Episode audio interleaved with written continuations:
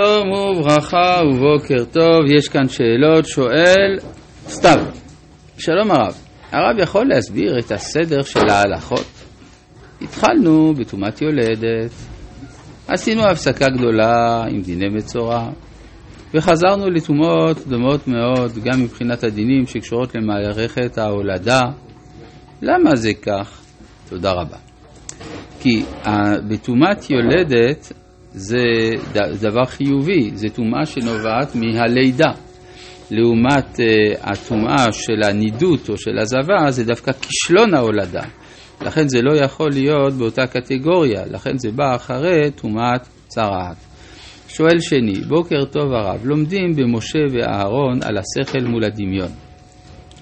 במקומות אחרים למדנו על השכל מול הרצון, שכל שכל מול מוסר, על שכל מול רגש, על שכל מול חושים. למה תמיד השכל הוא הפרמטר להשוואת הכל? תודה רבה ויום טוב. אני לא יודע אם זה תמיד ככה, אבל במידה וזה ככה, זה משום שהשכל הוא הייחודי לאדם לעומת בעלי חיים. כל השאר יש גם לבעלי חיים, גם דמיון, גם רצון וכדומה.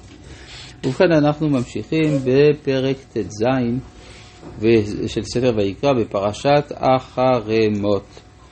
אז אנחנו הגענו לפסוק ג' בזאת יבוא אהרון אל הקודש, ופר בן בקר לחטאת ואי לעולה. כלומר, אהרון, כדי לגשת אל הקודש, זקוק לקורבנות. מה זה אומר? שכאשר המצב של האומה, למשל, הוא רחוק מן הקודש, אז ההתקרבות אל הקודש דורשת מעבר דרך מחיצות. והמחיצות האלה הולכות ומטהרות את היחס אל הקודש פנימה. עכשיו, הכניסה אל הקודש פנימה זה לנקודה היותר תוכית של החיים, קודש הקודשים.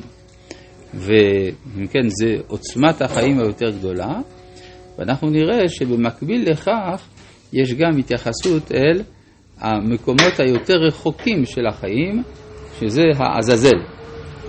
כלומר, אם כבר הולכים אל השורש, אז מתקנים את כל הקצוות. גם הקצה של הקודש בעוצמתו, וגם הקצה של הטבע בפראיותו, ולכן בו, בו זמן, באותו יום נעשות שתי פעולות של עניינן כניסה לקודש הקודשים ופרנסת הכוחות הפראיים של עזאזל. כתונת בד קודש ילבש, ומכנסי בד יהיו על בשרו, ובאבנת בד יחקור, ובמצנפת בד יצנוף.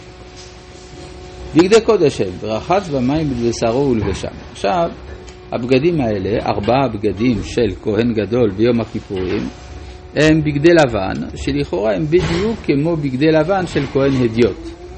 אז זה לא לגמרי פשוט. רש"י כותב כמו כהן הדיוט.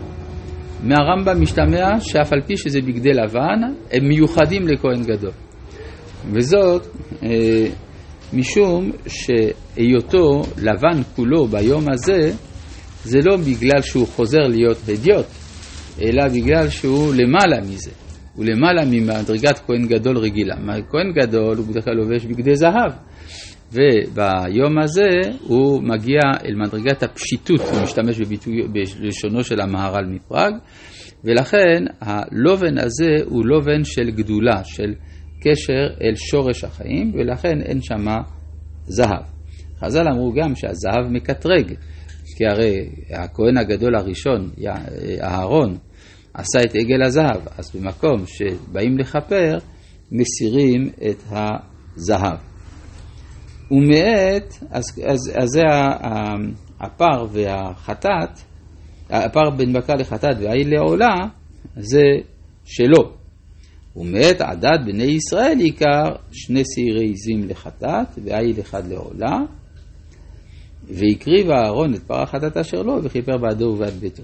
עיקרון, קשוט עצמך ואחר כך קשוט אחרים. אם אדם רוצה לכפר על אחרים, הוא צריך קודם כל שתהיה לו טהרה אישית. וכאן דבר מאוד תמוה, הרי סך הכל מדובר בעבודה ציבורית. היה צריך להיות שהפר יבוא מתרומת הלשכה, ולא, זה פר שהוא צריך לשלם עליו, כי אה, פה פרטיותו היא הציבוריות. למה? כשהציבור כולו חוטא, אז יש רק אדם אחד שאיננו חוטא והוא הנכנס פנימה. כמו שמצאנו במעשה העגל, שוישוב משה אל השם ויאמר אנא חטא העם הזה.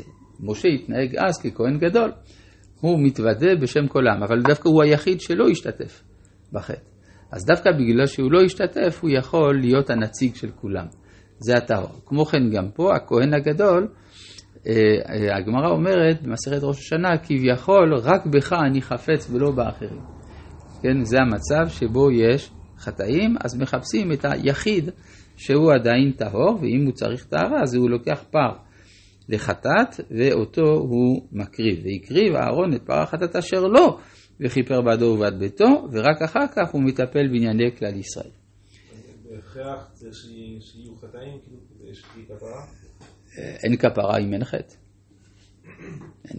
אם אין חטא, אז אין צריך, איזה כפרה צריך? אין עבודת יום הכיפורים אם לא יהיו חטאים בכלל, אז לכאורה לא צריך את יום הכיפורים. יש מחלוקת תנאים, רבי אליעזר וחכמים, האם יום הכיפורים מתבטל לעתיד לבוא או לא.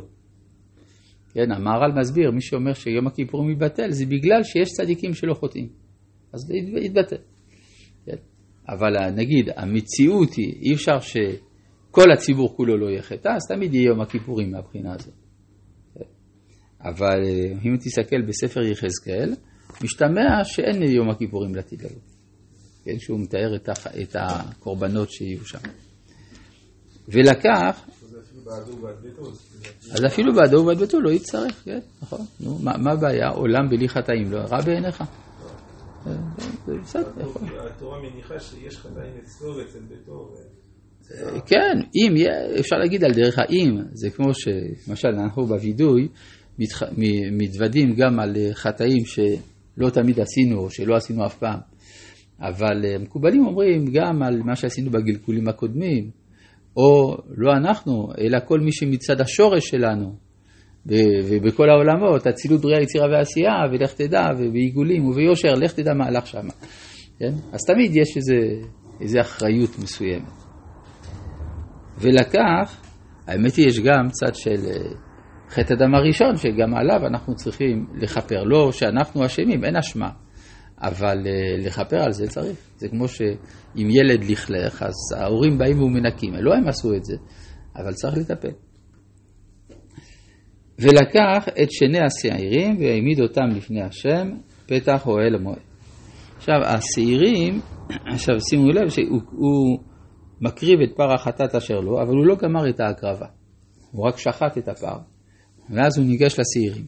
זה מהמאפיינים של עבודת יום הכיפורים, שכל עבודה אינה נגמרת עד שמתחילות שתי עבודות אחרות. כן? יש שרשרת של עבודות, כאילו רוצים לקשור עבודה בעבודה.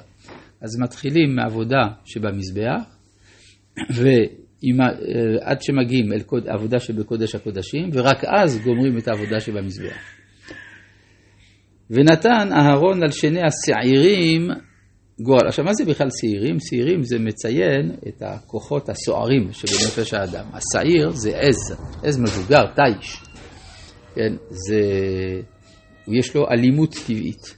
לעומת הפער, שהוא לא כל כך, יש מחלוקת אמנם, האם סתם שברים בחזקת שימור קיימה או לא, כלומר, האם יש נטייה טבעית של השור לנגוח או שלא, מחלוקת בגמרא, אבל סתם פער בדרך כלל הוא בסדר, כלומר הוא לא עושה בעיות.